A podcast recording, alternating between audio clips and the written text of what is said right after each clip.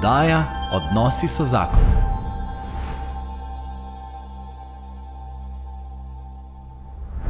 Dobro dan, dobrodošli v oddaji Odnosi so zakon, v kateri danes Benjamin Sitter gostim Marka Juhanta. Dober dan. Marko živijo. Živijo, živijo. Pozdravljen, dobrodošel v Krškem. Ja, vse kar lepo prideti malce v te konce. a ne. Z Gorenske dol, sicer eh, Ljubljana je zabasana, mm. potem se pa normalno razreči, bi človek rekel, in se potuje spet, kot v dobrih starih časih, po avtocesti. Da ni treba na avtocesti plačevati parkirnine. Ja, ja, ja tako. tako. Ja, mi dva se uh, poznava, se srečujemo redno, pri družini in življenju vsako leto pripravljamo duhovne tedne in počitnice za družine v Vržeju. In Marko, zdaj mislim, da je že deset let, kar si vsako drugo leto naš Ja, gost. Pa deva začeti s tem. Večkrat si nam povedal tam, da rad prihajaš med nas, da si rad z našimi družinami. Kaj, kaj je na teh diževih družinah, ki se tam zbiramo, takega, da je zanimivo, privlačno? Recimo?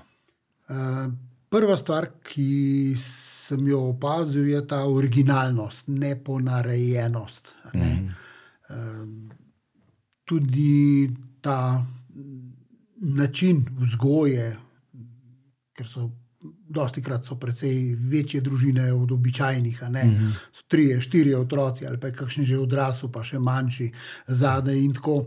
A, ta spontano, bi rekel, spontano življenje. Mm -hmm. in, in to zavedanje in, in pogovor med starši, ki pove, da dejansko imaš 3, 4, 5, 7 ali pa 8 otrok in še zmeraj.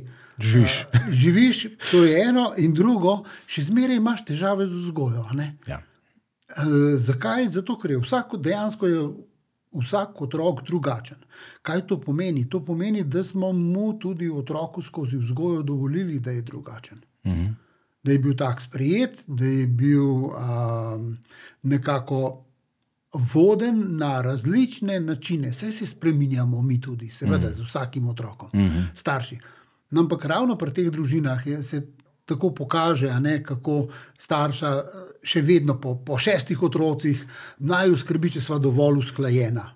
A Ne, bi človek rekel, pa se sta hecna. no. Zdaj pa že kaj znata, Bi pa, že kaj, bi pa človek že pričakoval do boke. Ampak ista vprašanja se še vedno pojavljajo. Zakaj? Zato, ker so še isti, prav tisti osnovni um, problemi uh, iz življenja pojavljajo v družini, ne glede na to, koliko otrok ima. Ne najdeš neke rešitve, ki bo univerzalna za celo za celo družino. Edino, kar se večkrat a, potrdi, je ta, da ko imaš res veliko družino in če so hitro en za drugim, mm. potem te prve štiri vzgajaš. Pol pa oni štirje pazijo, da petemu in šestemu ni preveč lepo, ne? Da ni preveč da, da niso preveč streklani, da morajo vse tako delati, kot so oni tudi morali. Skratka, mm. a, pazijo na kon, kontinuiteto, že sami otroci. a ne. In so starši imajo potem mal drugačno vlogo v tem. In imajo tudi priliko potem dejansko v tej novi situaciji, tem novim otrokom dovoliti, da so spet drugačni, da niso kot jajce, podobni en drugemu, ampak da jih vidiš, res so zelo, zelo različni, tako mm. kot. Pač a, so tudi prišli različni na svet, mm -hmm. um, niso kopije. Se pravi, če probamo večkrat zreflektirati, potem se v teh naših družinah vidi, da ti otroci niso klasično pridni, čeprav mogoče so prenesli neke vrednote v no, sodoben čas, ne? ni pa tiste stare vzgoje, ker je res mogel biti en kupit, tako kot se je zmeraj delalo, tako bo tudi v prihodnje. Ja, ja. Um, mislim, da so ti mladi, novi starši presekali uh -huh. a, s tisto staro miselnostjo, tako je bilo in tako mora biti, in to uh -huh. je edino pravilno, uh -huh. ampak iščejo nove poti, nove možnosti in jih najdejo take uh, originalne. Zato pravim, da so. Družine so pristne, uh -huh. to ni ponarejeno. Uh -huh. uh, tudi, recimo, kaj se mi situacija v jedilnici, pade nekaj steklenega na tla, Uh, ljudje, ki so blizu, se ozrejo, pa ne zato, da bi gledali, čigav je pa zdaj vrgel nekaj po tleh, uh -huh. in, ampak ali je varno, da ne bo kdo kaj kakšnega ostrega eh, delca pohodil, uh -huh. primajo kakšnega, ga ustavijo, toliko časa, da se počisti, kar drži tujega za, za majico, ne toliko časa, da počistijo, in ko se vidi, da je čisto spusti, in to je to. Je to. Uh -huh. Skrb koliko krat sem videl, uh, letos sem bil prav pozoren uh, zaradi nekaj, nekaj sem videl na TikToku. No? In sem bil prav pozoren, uh, kako starši pazijo na tuje otroke. Uh -huh. Tisti, ki so sedeli v prehodu, uh -huh. uh, to je vogal mize in otroci prenašajo hrano in se vrtijo in hodijo. In koliko krat sem videl, recimo, da so starši položili roko tu je otrok šel mimo roko čez vogal, zato da se ni otrok zaletel v mhm. vogal. A ne ta, ta skrb, ne ta, bi rekel, ta otrok ni bil, ki je bil tam, ni bil samo od enega starša. Mhm. Vsakdo je tudi pogledal na nje, pa ne zato, da bi hotel nauke deliti, ne zato, da bi hotel biti boljši mm. kot, kot ne vem kdo drug, ampak iz tistega pristnega obvarovati, tisto, kar nam je najdražje, pa včasih ravno pri tem odpovemo, ne otroka. To se pa malo tiste, it takes a village. Ne? Ja, uh, ja, ja, ja to je pač tako. Cela vas potrebna, da cela, vzgoji. Cela vas in vidiš, kako primen roko da tako, uh -huh. samo toliko, da se otrok ne zaleti v vogal. Uh -huh. Koliko je bilo tega? Sem, Nekaj časa sem še števil, v tistih dveh dneh, pa sem pa nehal, ker sem prišel nekaj čez 20, se rekel, le koliko se to dogaja. Ampak nikoli prej tega nisem opazil. Zakaj?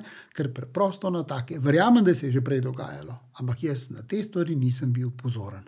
Uh, ko pa si, pa ugotoviš. Wow. In recimo, vedno znova me navdušijo.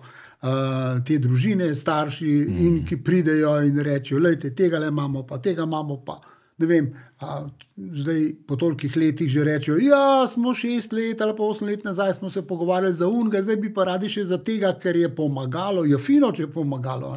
Mhm. So prišli po nasvet, zato ker so izpeljali tisto, kar smo se dogovarjali, in je delovalo. Ja. A, no, potem pa res z veseljem spet prisluhneš in, in daš, dejansko daš vse od sebe. Mhm. Ker je vredno, ker ni samo nek nasvet, nisi. In dejansko ljudje pridejo, uh, starši pridejo na pogovor, na klepet. Ne pride tako kot k nekemu strokovnjaku, tam, ki ima fino tablico z ne vem, kolikimi napisi. In, mm. in kdaj so uh, ure in ne trka, in podobne stvari. Tle sem sedim za mizo, prid vse se. Uh, uh, povej. Ja, ja. Nižji vstopni prak, lažje, ja, lažje ja, se pristopi. Ja, ja, in ja, je, in ja. je čist ta odnos je tudi potem že tak, že na startu, navajen, čisto prijateljskega. So ja. navajen, čisto drugačen. A najbolj zanimivi so pa ta novi, ta novi pari, uh mhm. -huh. ta mladi, ki ugotovijo, kako ta starejši hodijo tako neobremenjeno. Ne? Uh mhm. -huh. Nekateri me poznajo in rečejo, kako smo veseli, da smo vas videli. Super. Ja. Fino, jaz sem tudi vesel, da vas srečam, pa, ja, pa spremljamo, pa smo vzeli tam na, na vzgoji, pikasi, take stvari, pa une. Ja, odlično, aj kaj pomagalo, ste izpeljali do konca. Ne vem, mhm. pol izveš, ne vem. Je bilo nekih 30 korakov ali 28, in so rekli, pri 15 smo nehali, ker je bilo že vse urejeno, zdaj imamo pa še 15 rezerve. No, ja. In pridejo dejansko pridejo tisto neobremenjeno, res tako, da lahko a, tudi jaz potem svoje izkušnje, to, kar največkrat ne poveš. Dobro, jaz pa predvsem vključujem domače zgodbe v, v, v mhm. predavanja tudi. Ampak tukaj v vržaju pač mirne duše povem še stvari, ki jih druge nikoli ne bodo slišali. Uh, zakaj? Zato, ker imamo tako odnos, kot ga imamo. In, se ustvari neka zaupanje, ja, neka ja, skupnost. Ja. Ne? No, in ko me otroka vprašate, a skaj povedal, jaz sem, kaj se kaj spomnil, je tole sem prepovedal. Ja, ja, se to so, a niso fino stvari, oj, kako okay. se vse spomniš, jaz se pa ne spomnim več. Ja.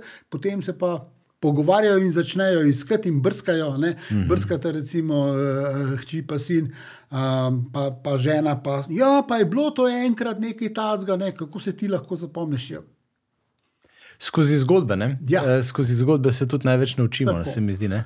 Uh, letos smo, imela, smo imeli temo, res tudi veliko smo govorili o pomenu vrednot, ne? o tem, kako so te vrednote pomembne. Pa da je vam mogoče probati za neko res najno publiko tukaj, ki je širša, ne, uh, zreflektirati res, um, zakaj so vrednote tako pomembne. Pa morda tudi, recimo, a so se te v zadnjih ne vem, 10, 15, 20 letih kaj očitno spremenile, kaj se nam dogaja v družbi, recimo v smislu relacij starš-otrok, vz, vzgoja, vrednote. Tako, um, kaj je bilo morda nekdaj pri, prepoznano kot da vrednota. Ne? Ja, ja, ja, ja. Pa ali je bilo to zmer v redu ali ne, ne? ker smo ugotovili, da tudi vse, kar je bilo včasih, ni bilo v redu. Mar si kaj danes, ta inovativnost, ta svoboda, da se nekaj naredi malo drugače kot nekdaj, mi je meni zelo dragocena, se mi zdi ja, ja, ja. zelo dobro. No? Ampak niso pa vse spremembe, verjetno šle na najbolj v pravo smer. V pravo smer ne.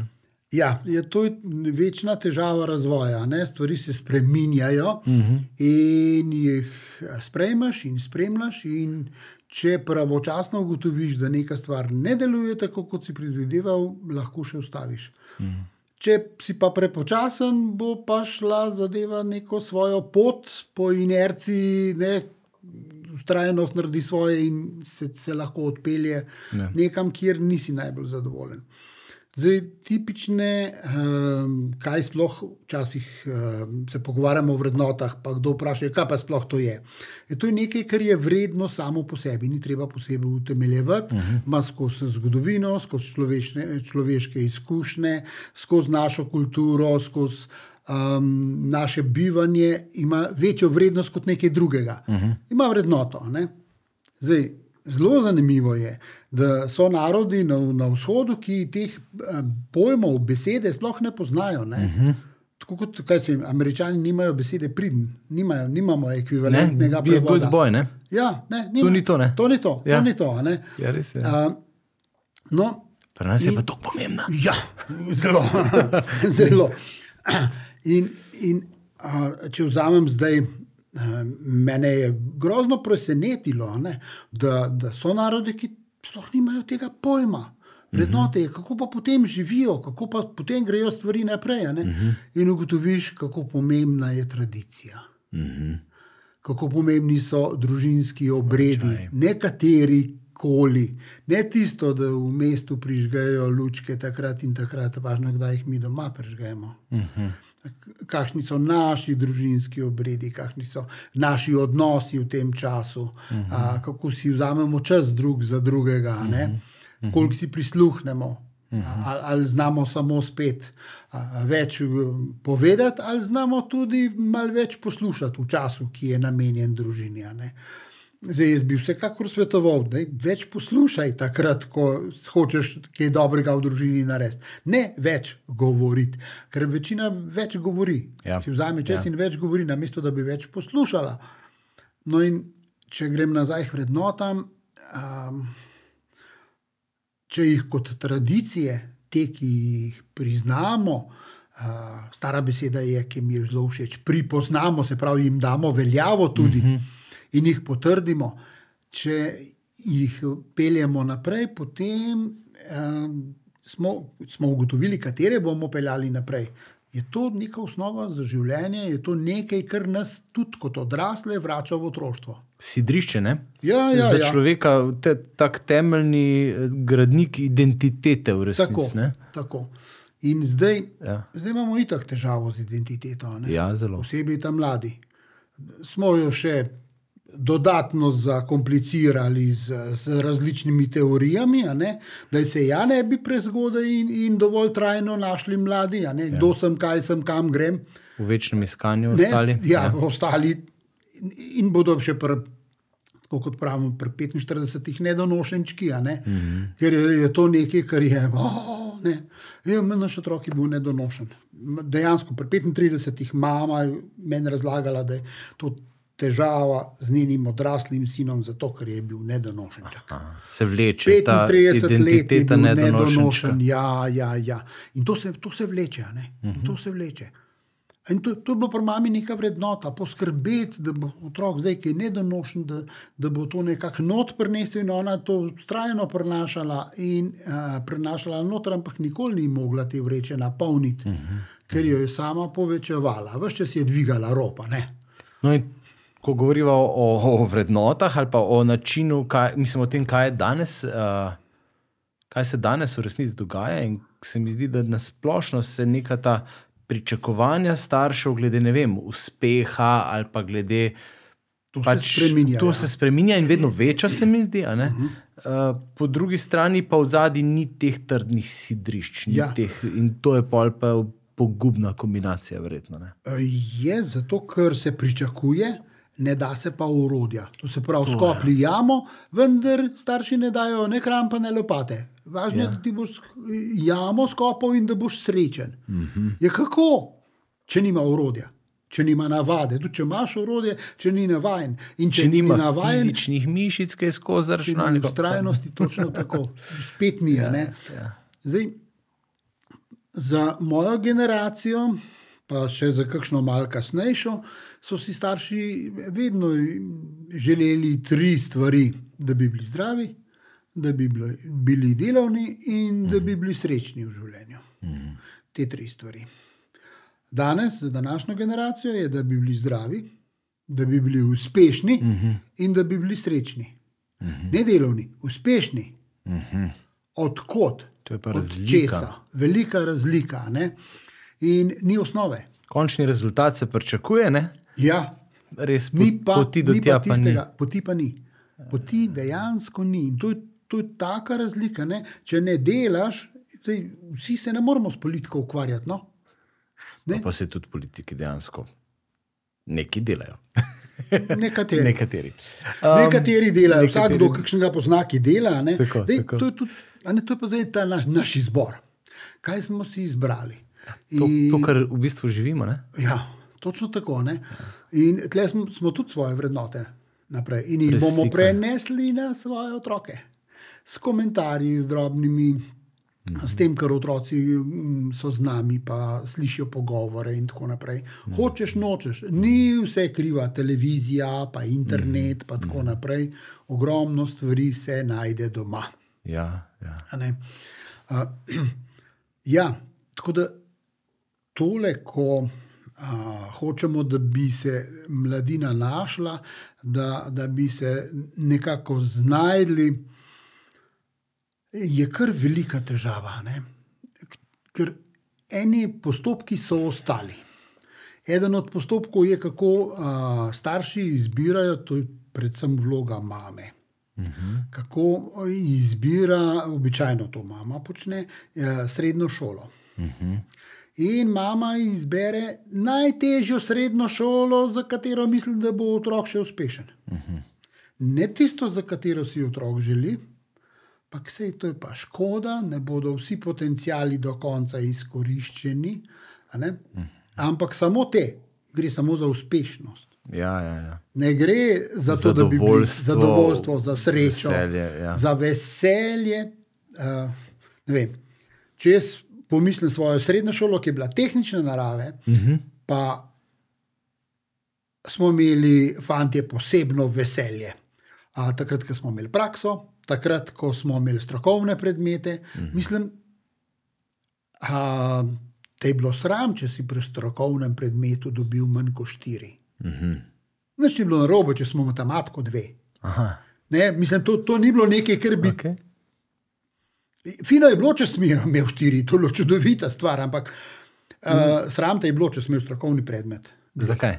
Ja, zato, ker to je bila naša stroka, to je bilo tisto, Aha. kar nas je veselilo. Tisto, tem si se identificiral. Smo, s- tako, Aha. v tem smo sanjali, kaj bomo mi počeli, mm. -hmm. kaj bomo delali.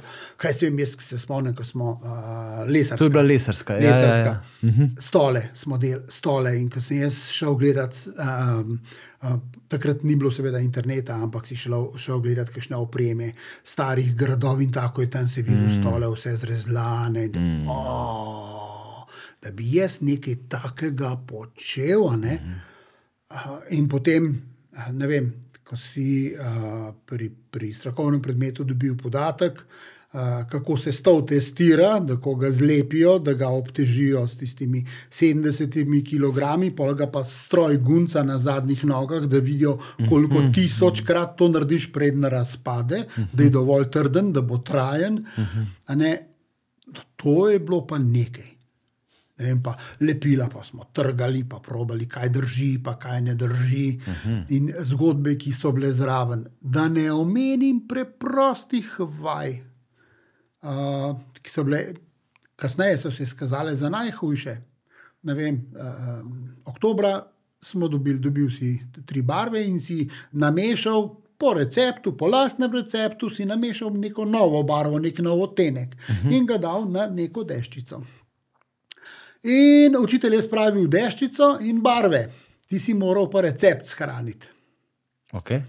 Okay, in potem je rekel, aprila, no, a drugič bomo pa drugi, drugo polovičko nabarvali, da vidimo, kako ste uspeli spraviti recepte. recepte. To je bila najboljša lekcija o dokumentaciji. Uh -huh. Ker nas je bilo veliko, ker smo nekateri smo rekli, bom tako lepo sistemu, en, dva, tri, če slučajno izgubim papir, ne, in tisti smo vsi izgubili papirje. Aha. Ker smo mi, a problem je, da smo, no, skratka. Ker si si dopustil možnost, da ga boš izgubil. Ja, razumem. To je bila lekcija o dokumentaciji, nikoli take, nikoli take. Mm -hmm. Seveda so še danes učitelji, ki so sposobni take, takih uh, veličastnih stvari svoje dijake naučiti na, na vseh nivojih, v vseh različnih šolah. Mm -hmm. so, seveda so. To je bil eden od naših. bil Kaj pomeni dokumentacija? Izkustveno. Izkustveno. Mm -hmm. In mi smo res doživeli, mislim, kako bombar nisem mogel shraniti tega listka, pa sem, sem ga shranil, si točno vem, si rekel, tja ga bom dal, da ga bom našel. Mm -hmm. Je danes v resnici ena od velikih težav, da se vse preveč teoretizira, pa premalo spravlja stvari v prakso. Tudi včasih se spomnim, je bila ta mantra, ne peč študirati, da ti ne bo treba delati. Ne? ja. Kao, ne? So šli vsi študirati in to je vse nekako, pač dobro, tudi sam sem filozof, teolog, ne? Ja, tako da ja, ja. bolj eterično, kot to je težko. Ampak Ja. um, in imam dejansko problem. Kaj fizičnega narediti. Ne? Recimo, pri tebi je vse v praksi, ne? tako ukorenjeno tudi delo z mladino. Tako, to je zelo, zelo ja, dobro. Jaz moram reči, da bi bil zelo ubog, uh, kar se rezultatov tiče, uh -huh. če ne bi imel teh praktičnih izkušenj in če ne bi uh, zmogel uporabljati rok. Uh -huh. Ker smo vedno z, mlad, z mladino, vedno smo počeli stvari. Mm. Ko smo rekli delavnice, to so bile res delavnice. Mm -hmm. So bile res, res delavnice. Mi smo slikali na gips plošče Ja, pred, no, pred tako, leti. Ne, recimo, tako, ne, ja. tako. Uh, pa to je bilo lepljenje, vrtanje, brušenje, kamen smo klesali, z otroci s eh, cerebralno paralizo. Ne, Wow. Da, mislim, nemogoče stvari smo delali. Mm -hmm. uh, enkrat smo imeli ekipo, ki je pomagala, da je delala orodja za tiste, ki niso mogli delati. Se pravi, če je delala samo ena roka in je bilo treba nekaj, ena punca je rekla, jaz bi pa a, srčko ples bi naredila, jaz bom srčke strigla, nikoli še ni, ker ni mogla striž, ni, ni šlo preprosto. In so fantje tehnične narave preizkušali, ugotovili, da imamo razne stvari. Na zadnje smo v nek primež dali škarice, a, to, ta deklič je, je škare, škarje lahko je tako so ročno naredili, da je lahko pritiskala, in nekdo drug je obračal. Tako kot če imamo uh, električne škarje, uneta težke, uh -huh. obračaš material, ne škarje. Ne? Uh -huh. Mhm, mhm, da No, nekdo prela- drug je obračal material in se ona je strigla tiste srčke ven, po dva srčka, in pol so pridejo ven take zgodbe. A, a, Na i- srčko ples pomeni, da najdeš nekoga, ki ima isti napis. A Ne, nekje so metulček, pa metulčica, ne? in sta se našla, in pol sta ona dva plesala skupaj. Kakor sta pač zmogla, eni na vozičku, eni na nogah, zelo različno. No, in potem em, je bilo, je bilo zelo a, zabavno, ko je si izbrala, ker smo bili na primorskem, pravi, no, to bo pa tevo tlebo za moškega, bo morski pes. Ok, a, zdaj pa. Kaj pa zdaj, da je bil pa srček narejen in je bilo treba samico od morskega psa opisati, kaj bo to zdaj. No, in končna zgodba je bila, to je morska kuzla. Okay. Ni bilo psica, ampak morska kuzla, to je bilo edino to pravo. No, enega smeha ob tem, kaj se, se je dogajalo, enega zadovoljstva, sama vseh tistih 30 ali koliko srčkov zrezala, 30, 30 parov, mm. zrezala mukoma, s fizičnimi bolečinami, mm -hmm. ampak z velikim trudom in velikim zadovoljstvom, in da ne rečem, s kakšnim ponosom. Ja. In ko naslednjič prideš in rečeš, da je prosim, pobriši mizo, pa je komaj roko stegnila, komaj in je naredila maksimum, kar se je dalo narediti. V pogojih, ki so bili, pa s tem, kar je zmogla. Mm. Ne, da bi naredila nekaj, češ, vse sem mal, sem pa pripomogla. Ne, ona, maksimum, dejansko dala vse od sebe. Kako to lahko recimo, konkretno prenesemo na starše danes? Ne? Recimo, prav kot princip. Uh, očetje, ne? se mi zdi, smo posebej poklicani. Ne? Mamice bi rade otroke mečke zvatirale, tako pač ja, ja, generalno ja, gledano. Ja, ja, pač, ja, ja. Da se mu ja kaj ne bo zgodilo, če bo kakšen, ne vem, že bo v roke dobil, pa uh -huh, kakšen kladu. Uh -huh. uh, a te ti pa mogoče smo res poklicani, da kaj fizičnega. Ja. Zdaj, To ne pomeni, da ne poznam velikega števila mam, ki so sposobnejše zabiti kakšen žabu in zvrtati luknjo na pravem mestu in vedeti, da je treba na ploščico dati celo tep. Ja. Zato, da sveder ne drsi sem in tja, ko hočeš zvrtati za neko kljukico v kopalnici. So, seveda so. Mm. Jih je. V povprečju gre pa v to smer, da še vedno da se pričakuje, da bodo to moški znali. Mm -hmm. Eh, in obvladali. Vendar vprašanje je, odkot. Uh -huh. Odkje bi to zmogli? A, če niso imeli nikoli izkušenj, če so jih očetje odrivali, jaz povem iz vlastne izkušnje. Meni se je zgodilo, da sem si naučil v delavnici tole in tole, pa tako, pa tako. Pa. In enkrat je rekel, zdaj pa dosti, zdaj pa pojdi ven, ker res ne morem več delati, ker me stalno me vznemiraš, več čas me opozarjaš, več ne morem sam narediti. Ja. In delo je bilo nevarno. In sem šel ven in trpel, ko žival, uh, vendar se mu ni nič zgodilo in izdelal, izdelek je bil čudovit. Mhm. Ampak je to strani. Namensko mora biti. Ne? Namensko, na srečo, na srečo se je mhm. uprl. Na mhm. srečo se je uprl. Zdaj, pa drugo vprašanje, koliko sinov pa hčera se sme upreti očetu. Ja. Ker ta oblast, velika, pomembna, še vedno, ne, ja. kar nekako. Um, ne vem, se mi zdi, da je preživela tisto obdobje, uh, ko je bil ta pater familijas, ki je imel nad vso, nadzor nad vsem in je ja. vsem odločal. Ja. Danes ni v redu, če smo ostali taki. Mhm. Uh, fino je, če o vsem poslušamo oblastnost v resnici prikriva veliko negotovost, se mi ja. zdi, vase. Ne? Ja, to pomeni, če, jaz, če se jaz neprestano vtikam v otroka, ki nekaj dela, pomeni, da ne zaupam svojim dosedanjim vzgojnim prizadevanjem. To mm -hmm. ni nič drugega, to je ja. nezaupanje v lastno, mojo lastno vzgojo. starševsko vzgojo. Mm -hmm. Mm -hmm. Ker če sem ga dobro vzgajal, če sem prenesel znanje, sposobnosti, spretnosti, a, toliko časa, da so stvari trajale, da je dobil oblikoval neke svoje navade, jaz, mene nima kaj skrbeti. Mm -hmm. še, seveda se še vedno lahko kaj poškoduje, lahko naredi napako. Um, Tako kot se dogaja pač v običajnem življenju. Uh -huh. um, ne pa, da sem krčevit, vse čas nad njimi, uh -huh. kot sokol, samo čakam, da ga bom zgrabil, ne tako. Ne? In to je ta glavno, ne tako. Ja. Niti, niti ne kako, ampak tako le ne. Ja in skozi ena deprimacija. Ja. Uf, ja.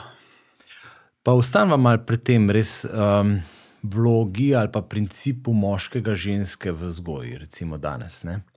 Mhm. Na kak način lahko, ker jasno.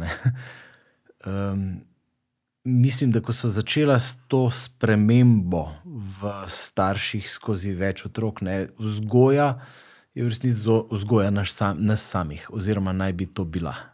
Uh, in zdaj, kako se naj očetje vzgajamo, da bomo boljši očetje, kako se naj mame vzgajajo, da bi bile boljše mame, uh, kakšne so pogoste težave pri enih in drugih, in tako morda v to smer malo. Um, zelo pogosto je, situ, pogosto je situacija, v katerih si mame ne pustijo pomagati. Uh -huh. Hoče vse sama. Ja. Uh, to, je, to je del tudi mode in tako naprej, in te samostojnosti. In vse to je čisto v redu da občasno dokažeš, da zmoriš tudi sama. To je čisto v redu. Uh mhm. -huh. Ampak a ti je treba večno sama in uh mhm. -huh. da trpijo otroci, da ti trpiš in da moš trpi zato, da bi boš nekomu, neki neznani osebi ali neki ideji, ne, manj znani ideji, dokazala, da zmoriš sama. Uh mhm. -huh. Če pa vemo, da stvari zelo dobro delujejo, če je. Uh, mož, tisti, ki ženi, ali pa oče, tisti, ki mami, daje tisto dodatno ljubezen, vrednost, moč, uh mhm. -huh. da ona svojo lahko usmeri v vzgojo, v ljubezen, a, v to, da se sama tudi dobro počuti.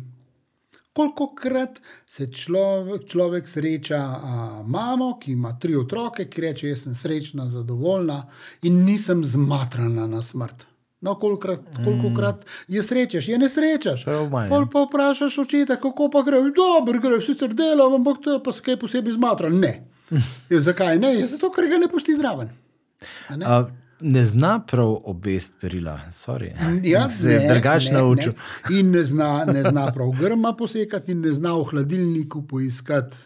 Eh, eh, ne vem, neke, neke začimbe, mm, ali zemfa, ali, ali, ali jogurta, ali nekaj. Ne. Ne? To je, to je še, imamo še kar to težavo. Uh mhm. -huh. Dokler ne zbolijo, ali pa takrat, ko so na porodniških, takrat je neverjetno, kaj vse moški zmoremo. Ja.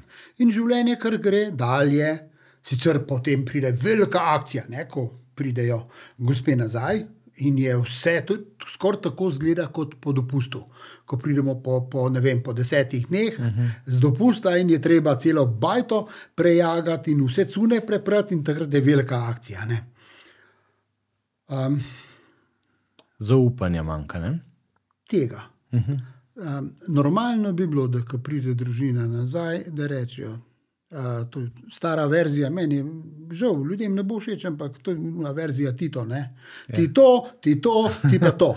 En, more, en, ki ve, kaj in v tem primeru je to mama, ve, kaj je treba narediti, da potala naloge delegira. in sama delegira in sama opravi tisto, kar bi morda opravila z največ veselja. Zakaj bi ona morala vedno tisto opraviti, kar je najbolj zoprno? Mm -hmm. Če so VC-ji za očistiti, pa ima 14-letnega fanta doma, ej, to je super izkušnja za njega. Uh, rokavice, čistila, gremo. Uh, ga je že naučila, že ve kako. In potem samo, ko boš končal prid, ne, a, pokliči, da jaz vidim, uh -huh. pogledam. To je tudi predvsem zato, da rečem, uh, se fajn voha, ne, da je tako posvežen, dobro si naredil. -huh. uh, Včasih bo kakšna šla skrivaj, še kaj popravila, skrivaj.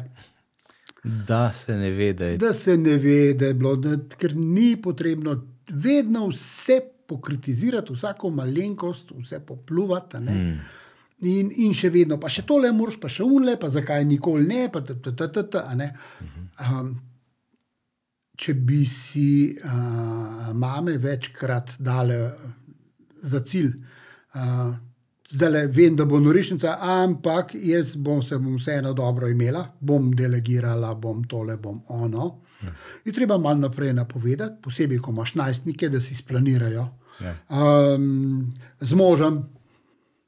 Uskladiti. uskladiti, kdaj pa kaj, pa uh mhm. -huh. kako. Uh mhm. -huh. In potem prepustiti zadevo, da lepo v miru steče. In se sama tudi posvetiti, ne vem, če najraje, kar koli že pač najraje počne. Uh Če, če se rada igra s suncami, ne, kakšne, ne boste verjeli, ampak jaz, jaz poznam gospodine, ki reče: Za me so sunce tistega nekaj najlepšega. Prav. To še vidim svinsko, je kot dan pred, ampak pa vam pride, diši, lepo, čisto. Prav. In ko pol, položiš to tja v predal, ali pa e, e, rečeš mu, da je gor na polico, pa gledaj zloži, da ne boš. Ne. In pa odpreš vrata. In, prav, to, to, to je res nekaj. Uh mhm. -huh. To, to meni naredi veselje, pomeni, da sem naredila neko pomembno spremembo za mojo družino, za vse. In, um, vice, ne? Vidi se razlika. Ja, seveda. Res se čuti in še vonja se. Ne samo, da se vidi, se vonja. In vidiš, koliko je opranega, vidiš, da je tam prazno, ki so običajno umazane, cunja. Ne? In če ima s tem veselje, je pa naj s tem. Če ima veselje s kuhanjem, pa naj skuha. Če ima veselje s tem, da gre zunaj vrt, pa nikoli, ona bi kosila, ampak nikoli bi rada, pa noben ni, ali ni, ni pokazal, kako se v resnici dela, ali tako. Pa zakaj pa ne? A ne? In ko prvič sama pokosi tisto travo, utrujena, fizično utrujena, ampak Prav travo, ko si tem taka posebna No, dejavnost, no, si recimo, ne. res vesel, ko vidiš tisto razliko med Ja, prej in to- pol. Ne? Vidiš, eno, enkrat sem šel tja, pa enkrat nazaj in je čisto drugače. Ja, no, Ta te, tega je čisto danes premalo, tega izkustvenega. Ja, da dobiš, da dobiš ven rezultat. Ja, ja. Ne vidimo, ker je vse digitalno, vse ja. neki na telefonih, vse tako, in ni, uh, ni fizične razlike Fi- videti. fizično, mi čutiti. pa, rab, mi pa rabimo to mm. fizično. Mm -hmm. Fizično, a ne. Kaj pa učetje? Recimo pri mamah, morda bova videla Ja, skupen si imenovalec. učiti verjetno. pomagati. Tako. Pri oče- Pri očetih je pa tisto, da ugotovijo, da zmorejo marsikaj, uh Mhm. -huh. a, tudi ponoviti. Ker dosti krat je tako. Pri, če pride v hišo nov pralni stroj, uh. -huh. pride marsikaj, pride mama in reče: Ti, daj poglej, kako se s tem strojem, majki je dosti drugačen, kot prejšnji mal navodila, poglej, da bo vse delalo. Ta, ta, ta, ta, ta, ta. In pa on pove: tole, tole, tole, tole, pogleda na. Ne, In ženi tako vse jasno, potem, ker je že navajena vseh teh gumbov, ve, kateri zdaj to neko funkcijo opravlja in kako se to nastavi. On pa že pozabi, ko odloži papir, pozabi. Dejstvo pa je, da bi da je enostavno tiste par gumbov obvladati. Ne? In a, to je resnična moška samostojnost, je upred perilo. A to je tudi za najstnike, ne pa za mlajše moške. Če mama ne želi, da bi njen sinek odšel od doma, peri mu perilo. Ker uh, srajce, hlače, to lahko odneseš v kemično čistilnico. To bojo čistili, perila nihče ne nosi drugam prat, ampak mm, mami. mamici. In spotoma dobi še nekaj za jesti, pa za, v vrečki še domov za hladilnik. Mm -hmm. če, če že živi drugje, mm -hmm. če je vsaj to uspelo. Če je vsaj, Če je to, vsaj to uspelo. uspelo, ne? Ja, ja. In bo- bo večno hodil. Mm -hmm. uh, to je za mamo sicer taka ena taka prijetna garancija, da bo, ampak to ni izraz ljubezni. To je izraz izkoriščanja. Ja. Drugo je, če zna, če obvlada, če prenese, prenese eno srajco, ti tle imam en flek, jaz ga ne znam spraviti ven. O, to bom jaz, imam nekaj in bo mama to naredila, to je pa znak zaupanja, to je ljubezen, to je tisto. A, in poče. Povrneš na ta način, da ne vidiš, da nekaj, nekaj bi bilo treba. Ne vem, preproste stvari.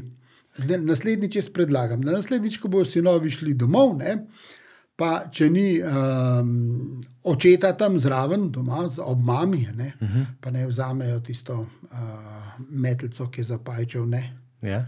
pa ne grejo malo po vogalih, pa pospravijo, pa po še splaknejo tisto metlo, pa metlico pa otresejo in bodo mame rekli, ja, kako je zdaj lepo. Tem, to je pomoč. To, dosti krat, pa, pa se, koliko je tega, se sploh nisem videla, Marija, kaj imamo. Ne? E, dejstvo je, da zmoremo preproste stvari. Jaz sem imel športnika, dva metra je bil velik, 16-letnik, dva, čez dva metra je bil velik, ogromen. In ja, pa sej ne vem, sej mama nikoli ni, ni treba pomagati. Rekel, sej so stvari gor na vrh, so za pomagati, ne? na domarca mi pa tam. Pa me sem debel gledal, v tem smislu, mislim, da zdaj pa še to. Ne? Ja, le ti si že tam. Tebi se ni treba matrati, ti ne rabiš lojtre, ti boš samo tako le naredil, še stegen ti ne bo treba onega.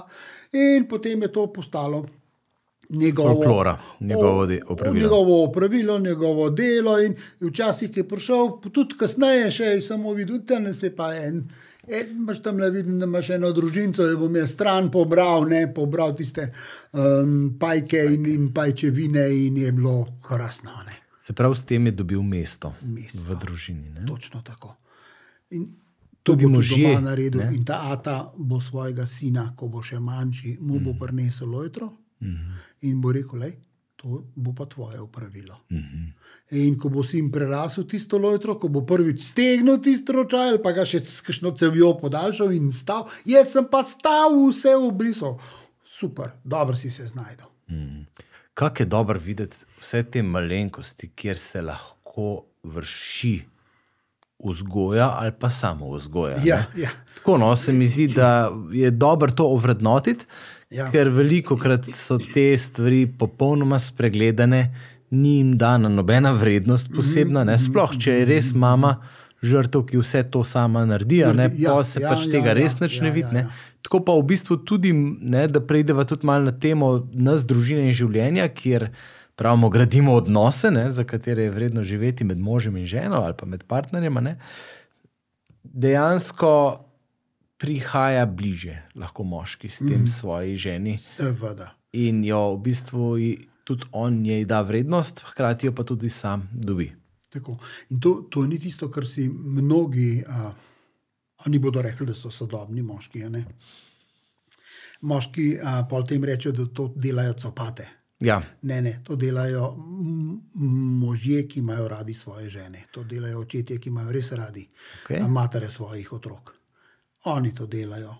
Brez, eh, s ponosom, tako, to bi ne, ne s sramom, s ponosom. No, deva je tu- to, Marko, kdo je copata. Zakaj, kakšna je tukaj razlika? Ne? Ker lahko isto dejanje delaš kot copata, uh -huh. ali ga pa delaš s ponosom. Ne? Mhm, Ja.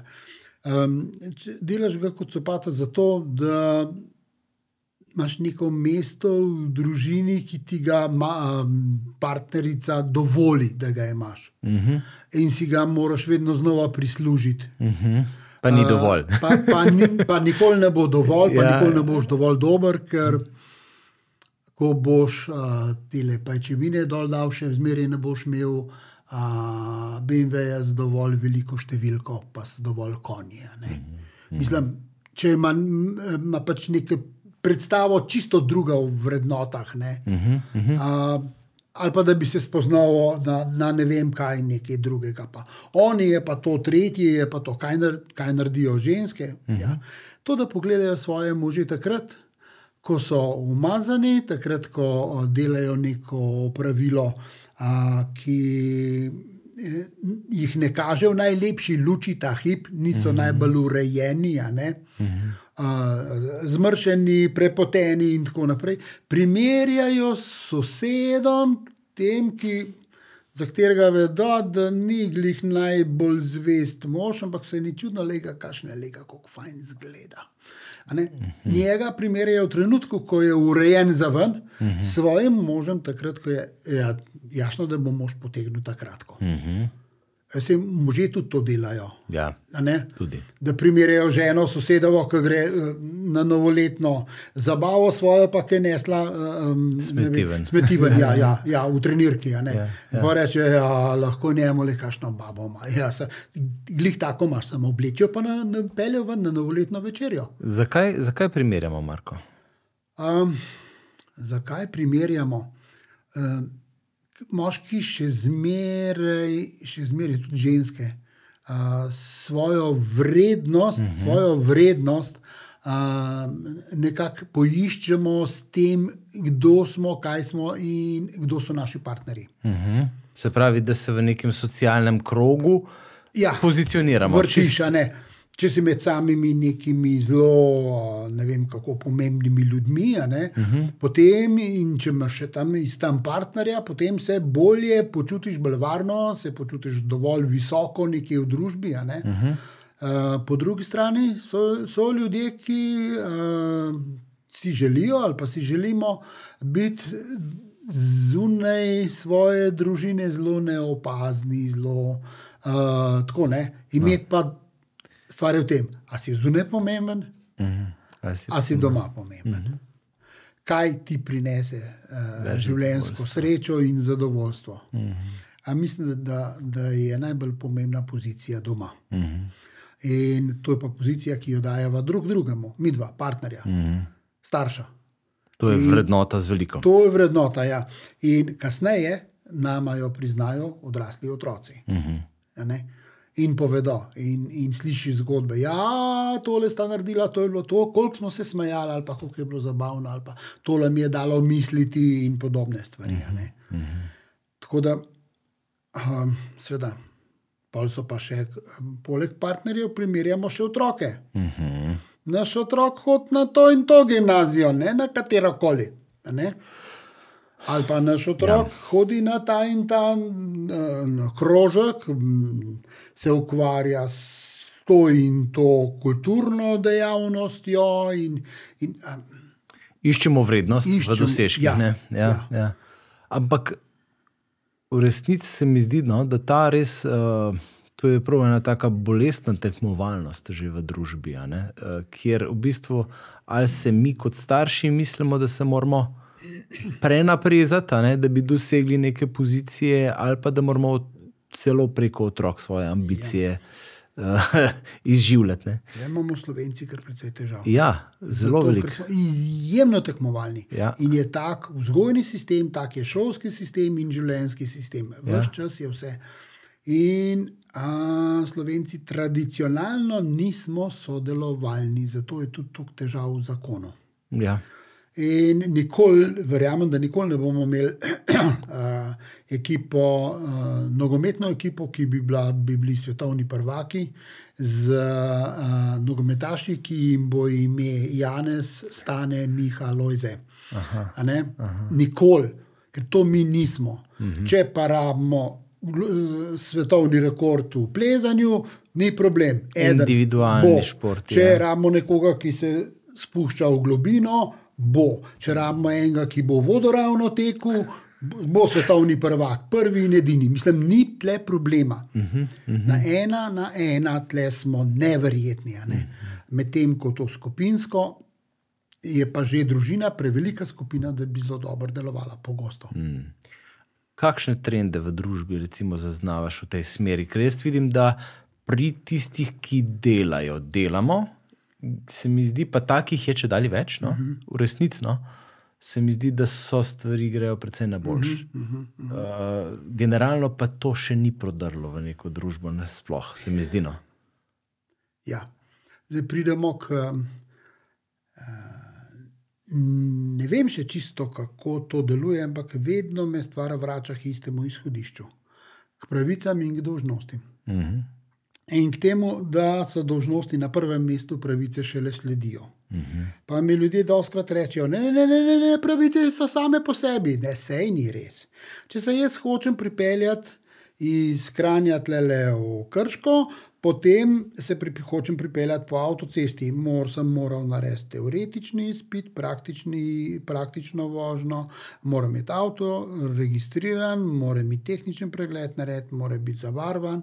Um, Zdrav tiste uh, neke, uh, kar smo že imeli uh, je zdravstveno, moraš biti sposoben, mm. moraš imeti zdravstveni pregled, pa prvo pomoč moraš narediti. Vinjeto kupiti. Uh, vinjeto kupiti, ja. cestnino plačati. Ja. In uh, lej, osem nujnih stvari, dožnosti. osem dožnosti imam in dobim eno pravico, da se 50 na uro peljem po avtocesti, če se 50 peljem. Ja, kadar je. Ne, kadar, kadar so res pogoji, od Ljubljana naprej, recimo, ja, ali pa od Grusuplega naprej, pelje celo, se lahko pelje celo 100, ne moš verjeti. Ja, uh, In tako gre v resnici v celem življenju. Ja. Ne, in zdaj imamo nas, ki, ki delamo na tem, da bomo svoje dolžnosti kot starši, kot partnerji opravili, pa kot, še vedno tudi kot sinovi in hčere svojih mm. staršev, ja. opravili vse svoje dolžnosti mm in v tem občasno tudi zelo uživali. Ja. In e, iskali, kje smo in kam gremo, in kaj je tisto, točno to vprašanje, kam pa gremo, kaj, kaj se pa dogaja, kaj, kam teži stvar. Ali pa grem pa jambram, ne morem nič, uh -huh. ne morem biti ne moški, ne morem biti ne ženska, ne morem biti uh, ne vem kaj, kakšen je smisel življenja in podobne stvari. Potem se pa te stvari sprašujem, zakaj? Zato, ker nisem upravil svojih dožnosti. In potem iščem drugačne pravice. In če hočem biti zdolžno progasta veverica in hočem to dokazati, da je to moja pravica, mislim, prav, izvoli, dokazuj. Jaz s tem nimam nobenih težav.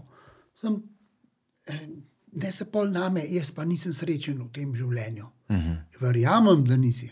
Težava je, če sklenem skupaj. Uh, enaka je kot na internetu. Ko greš na internet, ko si uh -huh. postaviš neko svojo stran, ko se predstaviš kot neka oseba, uh -huh. si lahko kdorkoli in kakršen koli, a drži. Ja. A neverjetno, koliko ljudi si izbere, da so spet butli. Okay. Kot komentatorji, Sami. ali kako Kot komentatorji, ja. kot ideje, kaj promovirajo, in tako naprej. In tako naprej. Uh, en, en del ljudi pa ugotoviš, da so čisto običajni ljudje in so, so postali tam, so postali boljši. So si izbrali to, kar mislim, da bi bil smisel naš, nas vseh. Jaz, ko si oblikujem življenje, uh -huh. jaz ne želim postati nekdo drug. Ja. S tem je nekaj narobe. Če hočem postati nekdo drug, Ja. pač pa hočem biti najboljši jaz. To se mi zdi, da je temelj tega, kar bi mi morali, ne? na čemer bi bilo treba delati. Ja, ne, da bom jaz postal nekdo ja. drug. Ja. Jaz, če imam, če imam rad ples, jaz, če imam rad glasbo, jaz, če imam rad on, on, on, on kostan tam, tem je vse v redu. Ja. In zato, zato mi ni treba postati. eh, Ne vem, zdaj bom dal eno tako, ker mi so mi všeč kostani, zdaj bom pa uh, vegan, ratov, zaradi tega. Ne, ne iz drugih prepričanj, ampak zaradi tega. Zdaj je nekaj narobe. Zato, ker imam rad kostan, bom pa zdaj veganca. ne. Um, Drugo pa je, če se jaz odločim, da bom na tak način se prehranjeval, zato ker vidim a, en kup Smisel. razlogov, en kup smisla, ker a, a, vidim, kakšne rezultate bom dosegel pri sebi, pri svoji družini, pri svojih otrocih, mogoče generalno gledano tudi drugje. Pa ne spodbujam uh, uh, veganstva, da se razume, ampak razumem načelo, ga in ja. ga sprejemam. In če se nekdo odloči, da bo na tak način postal boljši človek, uh -huh človek, oseba, ki je, kot je, pa se bo izboljšal in postal najboljši jaz, absolutno podpiram. -hmm. Medtem ko nekdo, ki hoče zdaj postati nek, nekdo drug, ne, s pomočjo kakšne teorije ali pa ne vem, ka- kaj še vse, se pretvarja, da je zdaj nekdo drug, a, to pa ni tisto. ne. Tle pa tudi meni ne, potem meni ne pomaga. Kaj jaz kot otroku sporočam, če sem tak? Biti najboljši jaz. Če imam, uh, da imam primerjavo, imam krive noge, noge na O, Okay. uh, klasično nogometaške. Ne, to poznamo, jih vidimo kar nekajkrat. Ne? In, in uh, zdaj s temi nogami, mojimi, jaz verjetno ne bom um, najbolj uspešen pri, pri uh, drsanju. Ker imam gležne mečke na not obrnjene in tole ne bo v redu. Bo v redu za nogomet, najbrž. In če bo pri moških taka moda, v modnem trendu, bom mogoče celo manekin. Zato, ker imam take noge, ker zdaj so posebnosti v modi. Ne, trenutno so na koži posebnosti v modi, ali pa nekaj časa že, zdaj pa bodo mogoče krive noge ali kakorkoli. Okay. A, in kaj bom jaz zdaj s tem? Ne? Jaz sem srečal veliko otrok, najstnikov in najstnic a, s cerebralno paralizo, ker so bile, to so bile dejanske omejitve, ki ne moreš iti kar čez. Ampak še vedno obstajajo malenkosti, ki lahko zelo izboljšajo življenje. Ne vem, e- Eno od deklet, ki sem jo vprašal, kaj imaš občutek, da je najboljša a, tvojo podobo, tisto, kar sebe vidiš, ali pa kar drugi vidijo. Prav, o, ena, ena terapeutka mi je rekla, ko sem bila stara, ne vem, 8 ali 9 let, da ima ta ena roka in kar, prav, kar tako le malo uhaja po svoje, ne, prav, druga je pa zdrava. Prav, ko je rekla, ko sediš na vozičku in, in če hočeš, če nič ne pripoveduješ, nič ne uporabljaš rok, ji položi to zdravo roko čez to, ki uhaja gor. Nekaj tako, nekako, veste, v nekem nenav, navar, nenaravnem položaju. In ljudje sploh niso opazili, da je z njeno roko kaj narobe. Ona ni skrivala, Pazite, ona ni želela postati nekdo drug, ne, ne, jaz bom pa zdaj ne bom imela več teh težav, jaz imam še to težavo, rešim jo preprosto. No, to na tak način, da sem oblikovala navado, da to roko dam čez, kadar je ne uporabljam. Se pravi, sprijeti se z vsemi svojimi omejitvami, kljub temu, da nisi po nekem kalupu. Tako in biti najboljši imeti, jaz. Tako, ja, imeti neko zdravo samopodobo. Ne. To se mi zdi, da je ena od temeljnih stvari, ki konkretno nam slovencem manjka. Ne. Uh, in se res, res odraža zelo močno v partnerskem odnosu, um, kjer bežimo, iščemo zglede, hočemo biti kot drugi. Ne. In potem, jasno, žal tudi na vzgoji, ne. Ja, res, res fejstne. Ja, ja. Um, kako lahko recimo danes, ne, ne vem, zdaj, koga točno Mhm. tukaj nagovarjava, recimo, uh, da generacijo zdajšnjih staršev, ne, se pravi tam okrog vem, 30, plus, ja. 30 do 50, recimo nekje, kako bi rekel, lahko mi kot starši danes konkretno napredujemo. Recimo tale, pa morda lahko pol prideva tudi v to, če je še kakšni primeri iz vzgoja.si, ki je zelo razširjen, recimo portal mnogo mamic, predvsem mamic se mi zdi, ga, ga uporablja. Ja, ne? veliko žensk. Ja. Ne, in, in je ta potreba po biti boljši starš, očitno tudi marketinško, zelo izražena, in pot, ne, se pravi, ljudje, ja, ljudje ja. si tega res želijo. Ne. Kako pač prehajati iz te samo vzgoje, da bom jaz boljši starš. Na samo podobi, mogoče tako, kako to delati, še kakšna ideja. Ja. Uh, za en kup težav, s katerimi se srečujemo, uh Mhm. -huh. obstaja, obstajajo določene rešitve, ki niso preveč kompleksne, niso preveč težavne. Okay? Uh, to, jaz le vidim moje poslanstvo in tudi tle je tudi poslanstvo uh, cele ekipe vzgoja.si. Uh -huh. Pripraviti uporabne stvari, ki delujejo. Tako. Ne, tako da začneš delati in vidiš, da dejansko, da dejansko prime. Uh, Deva par primerov. recimo, um, če imate otroka, ki je zelo glasen, uh -huh. ki se preveč razburja in je glasen, kaj naredim? Uh, začnem govoriti zelo potihem. Uh -huh. Potem pride prvič, ne samo da, da neha sedeti, um, ampak pride bliže, ker me hoče slišati. Uh -huh. To je recimo čisto konkreten primer. Eden od ukrepov je, da govorim bolj potihen. Okej. Če pa jaz upijem tako na glas, da me sliši na 100 metrov, zakaj bi on poslušal vse brez veze, dere se spet neki, kar neki se dere, kot vedno. Nekaj nepomembnega, že tako ocenja. Ne? In potem uh, rečemo, da se nas ne posluša, pa ne v Boga. Rečemo, ne? Da pustimo v Boga, ne, zdaj to itak ni. Um, Ni več modern. Ni, nikoli, se nikoli pravzaprav ni bilo. Ne, Ja, to, ja. gre za to, da sledi tistim navodilom, ki jih mora biti malo, pa precizna biti, pa pustiti prava. otroku, ta prava, ja, uh -huh. pa pustiti otroku tudi svobodo, da lahko razmisli in da lahko poskusi in stvari naredi včasih na robe, zato da vidi. Na vse zadnje, da spozna iz življenja, da je tista metoda, ki smo jo mi predlagali, pravzaprav kar v redu. Kaj pa recimo z najstnikom se prepirati dve ure, da naredi nekaj, kar pol traja pet minut? Ja. Uh, najstnik uživa v tem, da se prepira, sicer je potem utrujen. a ne? In najstnik je tisti, ki določa, kdaj bo konec tega pogovora. To ni starš. Aha. Treba vedeti, da najstnik določa. Točno on na začetku ve, najstnik ali pa najstnica na začetku ve, kaj mora reči, da bo pogovora konec. In ko se odloči, da je dovolj mama ali pa ata dovolj časa v omaki, da je se je že to omehčalo dovolj, reče: No, prav, pa bom. A ne. Da, če si tečna, pa bom. a ne. In pol uh, mi si oddahnemo, pa točno, on je vodil zadevo vse čas. Okay. Um, drug, drug, način pa je, drug način pa je, da jaz, ko preden se začneva dve uri prepirati, uh -huh. da ga vprašam, zdaj, lej, uh, lahko si vzameva 15 minut, pa rešiva zadevo. Pa so pol oba prosta, pa uh, si pripravlja, ne vem kaj. Uh, greva ven na sprehod ali uh, Čaj pa piškote ali pa neki.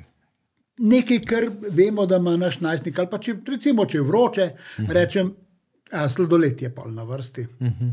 Sicer ni v planu, bil, ampak je to, ki je vroče, pa če, tole, zdajle, če se tole dogovoriva na brzino, ne če boš naredil, če se hitro dogovoriva, ker ni problem narediti. Uh -huh. Mi pa delamo se, kot da je problem narediti nalogo. Ne, ni problem narediti nalogo. Problem je, da je za- začne delati, da ga prepričam, da začne delati. Pa on išče s tem stik ali kako. dosti krat je pozornost uh -huh. stvar, ki jo uh -huh. išče. In, in a, včasih tudi zaradi samega trganja stran od družine, uh, najstnik se mora odtrgati. To je biološka nuja, se mora odtrgati od družine. In če so starši krasni in super in enkratni, se otrok Se še teže, ne? ne more se odtrgati. Mora vas spraviti v tako stanje, da potem, ko sreča svoje uh, uh, prijatelje, lahko reče: Moji ta stari so blesavi. Zato, da je upravičen, da gre stran. Mm -hmm. Ker drugače, to je približno tako kot. Um, če je moški slabe volje, gre mirne duše na pivo, če je skregan z ženo. Ja, ja. Ni problem. Če sta v najlepših odnosih z ženo, ne bo šel s prijatelji na pivo, zle pa ne, zato ker je doma to tako lušno. Se je treba malo skregati. Ja, ne. In točno veš, kje je Ja, treba pritisniti, Ja, ja, ja. da bo do tega prišlo. Ne. Zanimivo. Um, Deva probati še kakšen praktični primer. Recimo, no. uh, imam petletnika, uh -huh. to mi je pa všeč, pa mislim, da je tudi tako mal spodbujeno z najnim, s, tem, kar sem poslušal, veliko Marka Juhanta. um, hrepenenje ne, pri otroku, da ne dobi takoj nečesa. Ne. Si je želel eno igračko, ne, to so te vrtavke, to bi vrteli cele dneve, mulci. Ne. In je prvič se je pogajal z menoj in je rekel, a ti bom en teden sesal. Ne. Sem rekel, super, lahko. In je po enem tednu tisto reč pač neko dobil. In naslednjič prišel do mene, a ti koliko časa bi mogel sesati? Sam je vprašal, ne? Ja, Sem rekel, tri tedne. tri, a tri. Tri tedne. Ja, ja, ja. Ja, in jutri bo. Ampak to je toliko enega spraševanja okrog tega, veselja, čakanja, vznemirjenja, Ja, ja, kdaj ja, to bo. Ja, ja, ja, Se mi zdi, da so te tri tedni veliko bolj dragoceni kot tisti, ki bo pol pač enkrat ja. dobil. Ne. Tako ja. fajn, no, hvala. Am, ampak vrednost na tak način pridobljene igrače ali katerega koli drugega predmeta je čisto drugačna. Ja, ja. In zaradi te visoke vrednosti, ko jo dobi, je tudi odnos drugačen. Ja. Potem za to drugače skrbi. Ne, ne vem, če dobi, si izmisli, jaz bi pa rad novo uh, rolko ali pa uh, nov skiro, pa ga dobi. Mm. V eni uri, ne greva do te prve trgovine, ga kupa. Ja, verjamem, da jutri, če boš, bo ostal na dežju, zato ker ni nič vreden. Mm -hmm. Če pa dela, če to pa bi imel tega ravno zato, ker ima en prijatelj z takim skirojem, zna nek trik narediti, pa je dober za trike. Uh, ja, pa bo treba nekaj časa, koliko časa. In to, to pogajanje. Ja, ja. To je del, um, del, del, tisti del življenja, v katerem otrok ugotovi, da mora pravzaprav neke dožnosti opraviti, da mu potem stvari pripadejo. Mm. Mm, to je to. Ne. To, in ta vrst, to je edini pravi vrstni red. Napačni vrstni red pa je, ti jaz ti bom dal, ti boš potem pa tri tedne sesal. Ne bo, ni šanse. Ja. Ker je, je ta napetost, ki ga je prej držala a, a, v sodelovanju, to, to je že odteklo, to je že šlo. Ja, ja. Pa še ena fora je, ne? on prej ni maral sesati. Po enem tednu, v enem prvem, ne, je rekel, se zdaj pa že znam, to pa ni tako hudo. Ni hudo, ja, ja, ja se navadi. Prav Dejansko se, navada se. Ne, in, dejansko se nauči. In um, zdaj samo stvar prenesti še drugam. a ne. Naslednjič, ko bo Tako. doma čiščenje avtomobila, uh -huh. štiriletnika tako naredi- pri štiriletniku tako narediš, da ga nabašaš mulca v avto, na stol, Ja. a, pa daš se savc, postaviš zunaj pri odprtih vratih na tla in tam malo potem po tleh se sa v avtu. Uh -huh. Medtem ko je na stolu, ne do, do zunaj stoji, pa se steguje. -huh. ne? In pol, pol stoji pa na tleh, pa po stolu in on je, on je noter. ja, ja. Notor v avtu mora biti, ko se sa. Ne? In še take stvari so tako drobne, um, recimo. Uh, Kot čistilo, odlično čistilo je otroški šampon za lase. Aha. Uh, če mu daš, recimo, gobo, pa gre oprat uh, platišča na -huh. avtu ali pa gume ali pa kaj takega. Wow. To, je, ne, To so spet ta to, izkustva, o to katerih ni, so govorili. Ni ne? nevarna kemija, tam so neki delci, ki so tako nevarni, ampak ker je bogata pena, to pol ne šprica. To mm, je bolj varno. Razen če hočemo po ameriško, pa mu damo pa tista zaščitna očala. Pa, pa, pa.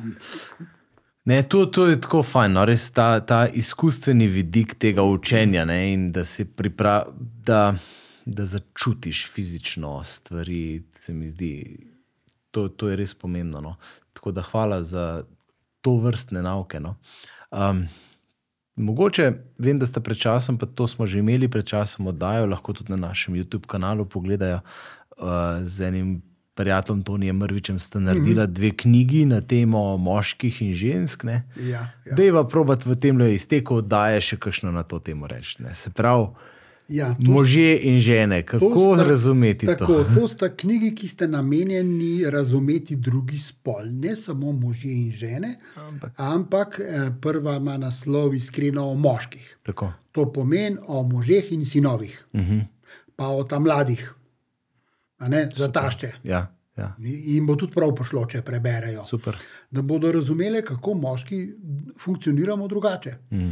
In um, druga je naslov ženske mojega življenja, mm -hmm. to so pa mame, žene, hčere. Mm -hmm. Mm. Ja, da vidiš, kako so stvari čisto drugačne. Mm. Da si mnogi si bodo prvič predstavljali, da če opraviš, ne vem, če greš s prijateljem pobeliti garažo na brzino in to naredita, in potem sta zadovoljna, pospravita, zagledata, odpreš hladilnik, vzameš ven pivo ja. in enega vržeš njemu, in čk, enega sam, in to je super. Ja. Če z ženo greš to narediti, Okay. potem ji ne moreš vreči tega piva.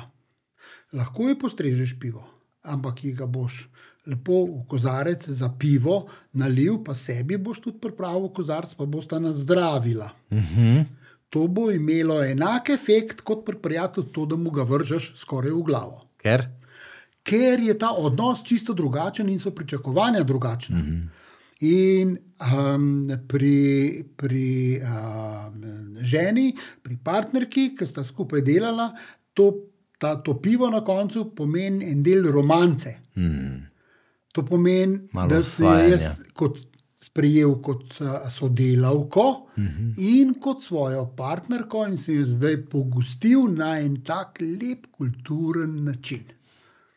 In Da- ta način je pomemben. Po domače, da nisi hodre, ne?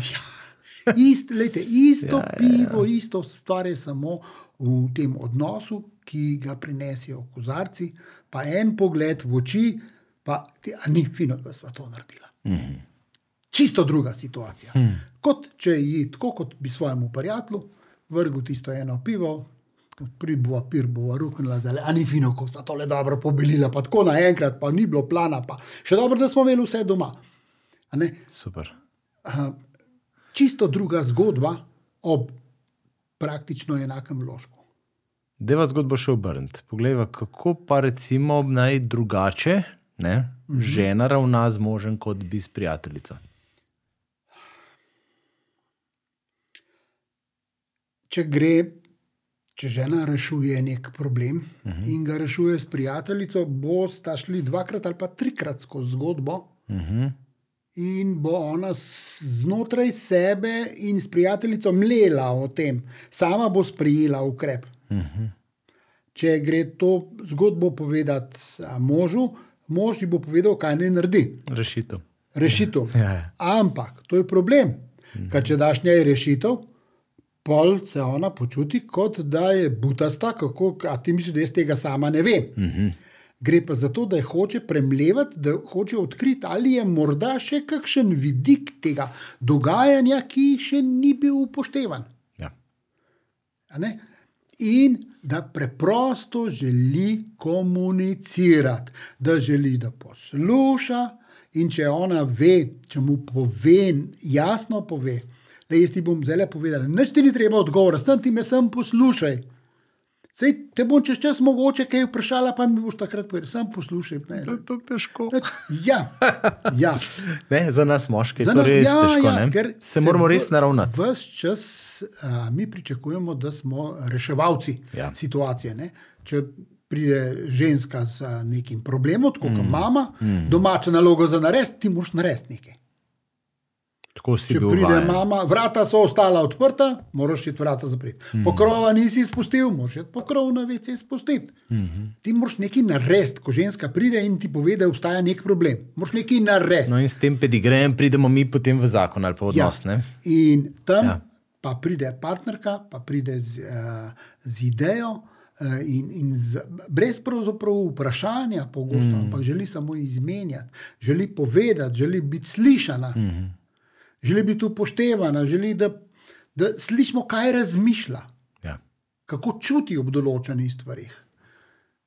In um, brez da bi obstala neka rešitev, je pač ne vem, izmenjava življenjske izkušnje, recimo, mm. na drug način. Ne? Mm. Ne, ni ista kot pri na, prijateljici, tam bo šlo to še čisto drugače, ampak če lahko uh, to pri, pri um, partnerju, mm. pri možu mm. uh, naredi.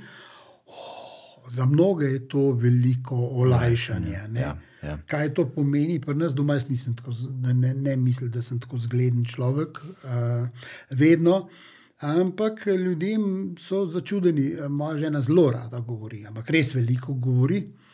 Jaz sem pa doma pretežno tiho. Jaz sem molčeč človek in dok, Tega- dokler žena ne potrdi, tega ne, Ne verjamejo ljudje ne verjamejo. Ne verjamejo. Jaz lahko cel dan doma in ne rečem prav veliko besed. res, res. Um, ona pa, ona pa, ona pa, vse čas, ne, vse čas nekaj melje. In, in uh, zdaj, ker smo že starejša, je, je tudi velja dogovor, da jo vse čas ne poslušam. Z vso pozornostjo. Če bom slišal, me moraš poklicati, da bom videl, da meni govoriš, pol te pa poslušam. Aha, aha. No, tako drugače pa to je neprestano, ne, ti lahko ti gre na živce. Če misliš, da pa kaj mi ne da miru, Hmm. pa sploh ne gre za to.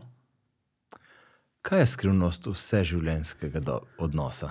Da sta recimo ustrajala, da sta skupaj, da se podpirata v bolezni in zdravju. Um, kaj je skrivnost? Hmm. Jaz mislim, Malo da, provociram. da, ja, jaz mislim, da je uh, vedeti treba, da bodo stvari šle na robe Mhm. in da se je treba vnaprej odločiti. Da to ne pomeni, da bo eh, moj prvi, uh, prva, uh, prvi premislek, joj, zakaj sem se sploh poročil, ali pa zakaj smo sploh skupaj, ali pa zakaj sem pa ravno njo izbral. Mhm. Ampak se vprašam, ok, tle smo zdaj, kam pa zdaj, kaj pa ja. zdaj. Kaj lahko jaz naredim? A ne? A, ena od stvari, ki že eno najbolj jezi v zakonu, je, da se, a, so trenutki, ko se ne more z mano skregati. Tudi če molči, tudi če proba s tihim, ne, jaz eh, pač grem okrog nje, govorim, kot da je vse v redu, vse normalno, toliko časa, da ne more več. In potem zadeva pač funkcionira dalje. ne. Dalje. In če včasih rečem, pa kol govoriš, pa pa moči ne. Pa pa, aj kaj, ne, čaka, da bom rekel, aj kaj narobe. Ja, ne, se sreko ne ne, da dokaže, da je to skratka. Ampak to so igrice, ki jih oba poznava in jih oba igrava in služijo temu, da, na, da zvečer greva v miru spat, brez uh, prepira, brez tega, da bi imel človek slab občutek ali pa hmm. ne vem. Uh, Se spraševal o življenjskih odločitvah zdaj, po toliko letih skupnega, 50 plus skupnega mm. življenja. Poročena nisva toliko, ampak no, par sva toliko, so več kot 50 wow. Let. Tako. Zelo lepo. Um, to se mi zdi, da je nekaj tazga, da pol pride ta nagrada. Ne? Ja, Ja. pride, pride. In um, počasi imaš tudi rad, zlubiš stvari, ki so te kdaj motile. Mhm. Uh, je pa res, ne, da ko si mlad, na novo poročen, potem odkriješ, da veliko stvari ne znaš, kot moški, ne, ne znaš dihati, ne preveč na glas dihaš. Pa, Sploh po noč. Mislim, uh, ne znaš cun prav obese, ne, nič ne znaš, ne, dokler, dokler ne, nekako ne pride do tistega um, trenutka, ko sta oba udobno, se oba udobno počutita v teh medsebojnih odnosih, ker obstaja zavest, da tudi ko se kaj narobe zgodi, bova uredila. Ja. ne. Ker je zadaj odločitev, Ja. da bostane. Ja, in če se naučiš tako ene, enkrat na teden reči oprosti, Aha, tokrat. ja, enkrat na teden. eh, Če si pošten, A to za moške velja, tudi za špričal. Ja, ženske? Mislim, tu kar preventivno potalaš v Jaz prosti. bi, jaz bi tole zdaj rekel tako, eh, v, v paru, enkrat na teden, sigurno okay. pride kakšna stvar, uh -huh. da lahko rečeš, iskreno rečeš oprosti. Uh -huh. uh, nisem bil pozoren, ali bil jezen, ali, ali mislim, tole mi gre na živce že, ali uh -huh. poveš in. in um, Ponavadi ti je oproščeno. No. Mm. Uh, če se vprašam, a, a, mene je žena me enkrat vprašala, a pa ti pričakuješ, da ti mu oprostila. Ne? Rekel, ja, včasih s komentarjem, včasih pa brez, pa se začne režati. Ja, kaj češ drugega? Če stvari malo na humor, mislim, sej konc koncev vse ni vse tako smrtno resno. Ja, No. ja. Pa kaj, če se ne v neki stvari zelo ne moramo zmeniti, ta hip, ja pa kaj. Ena od preprostih stvari je reči, da tole je pa še odprto. Ja. Tole se malo še za zmen, tole bo ne bo. Dopuščati nepopolnost. Ne? Ja, to je, ja, to je ja. zelo, zelo pomembno. In da so stvari lahko ostanejo odprte, pa pa če ne vem. Um, kaj je bilo? Nek, če ni bil en avtomat za kavo ali nekaj tasga. Jaz bi novega, a ta starše dela, še dela, ampak veš, je že ta, ta, ta, ta, ta. A pa ga je treba zdaj, jaz zdaj, no, da je pa pustiva odprto. Ne. Čez dva dni uh, se je pojavil nov avtomat za kavo, uh, oziroma prije kava in je, kava je bila dobra, tako kot vedno. In pravim, no, a vidiš, vse dobro dela avtomat, prav, seveda dobro dela, kaj nov.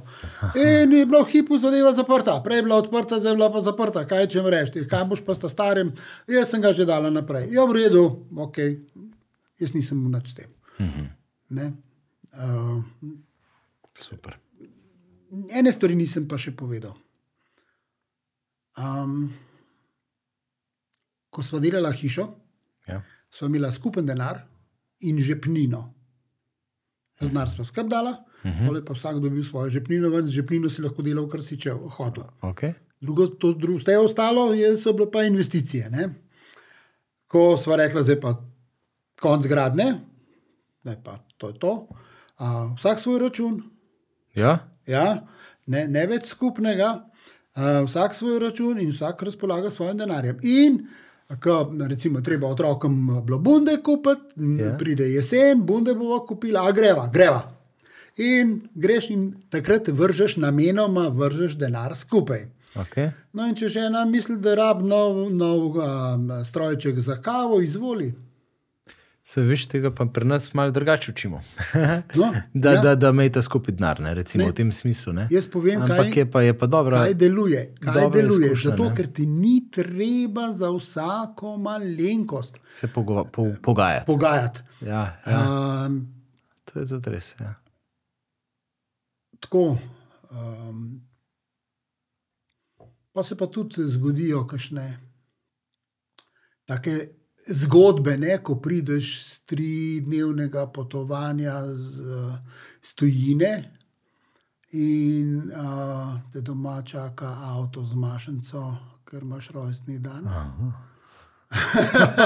in, in pač eh, žena ni rabila dovoljenja, da nekaj kupne, ker um, to so pa zdaj druge zgodbe. Ja, ja, ja. Uh, jaz verjamem, da je veliko finančnih sistemov, ki dobro delujejo. Mm. Stvar posameznega para pa Da je, se da odloči. se odloči. Mm -hmm. In uh, jaz sem predvsem hotel povedati, da v različnih fazah življenja, ko sem imela različne potrebe, Potrebe, prihodke in ja. ja. tako naprej, sva stvari na različno Rešina, rešvala. rešvala. Tako. In uh, dokler sva se držala tistih dogovorov, vsak Mislim, zaradi, če je kaj, zaradi denarja se nikoli nisva skregala. Mm. Če kaj, mm. zaradi denarja nikoli. Super. Uh, a se še bova, ne vem, mogoče, kad danes pridem domov. Ne vem, pojma nimam, nobene garancije nimaš, Ja. ampak če se bova, preden bova šla spat, bojo zadeve poglihane. Zelo pomembna načela. Zelo. Ja. In tudi ta načela nad to praktično rešitvijo, kakršna koli že je, so bolj pomembna. Ja, pravi, ja, in- ta zavezanost drug drugemu, ne, no matter what. Ne. Ja, To recimo, ne, je ta bistvena stvar. Tako. Uh, spreminjati stvari glede na trenutne potrebe, situacije, okoliščine. Lahko spremeniš in se držiš novega režima. Ja. Ne, ne kar nekaj po svoje, ne, ampak uh Mhm. -huh. če sva skupnost, imamo nek režim in se ga, se ga drživa. Predvsem pa imamo mi dva svojega, ne pa tako, kot je bilo nekoč Ja, pri nas in pri ja, vas. ne. ja, ja, ja, tako. Ni to tako, kot je bilo. Ja. A ta je mu račun, pa, oziroma a ta je mu denar, Ja. ja. pa za vsako malenkost in tako naprej. a ne. Marko, res najlepša hvala. Odličen pogovor je bil, jaz sem zelo vesel. Hvala za povabilo. Jaz upam, da bo tem, ki bodo gledali, poslušali, da jim kaj prav pride. Jaz sem prepričan. Um, je pa to res, mislim, da prihajava do tega, no, da je današnji čas tak, da je treba delati na sebi.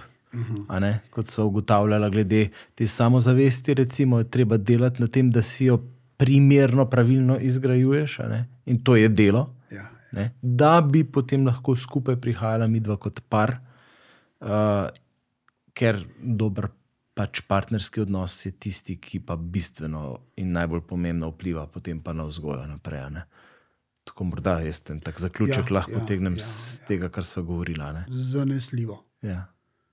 Fino. Hvala. Upam, da še kdaj.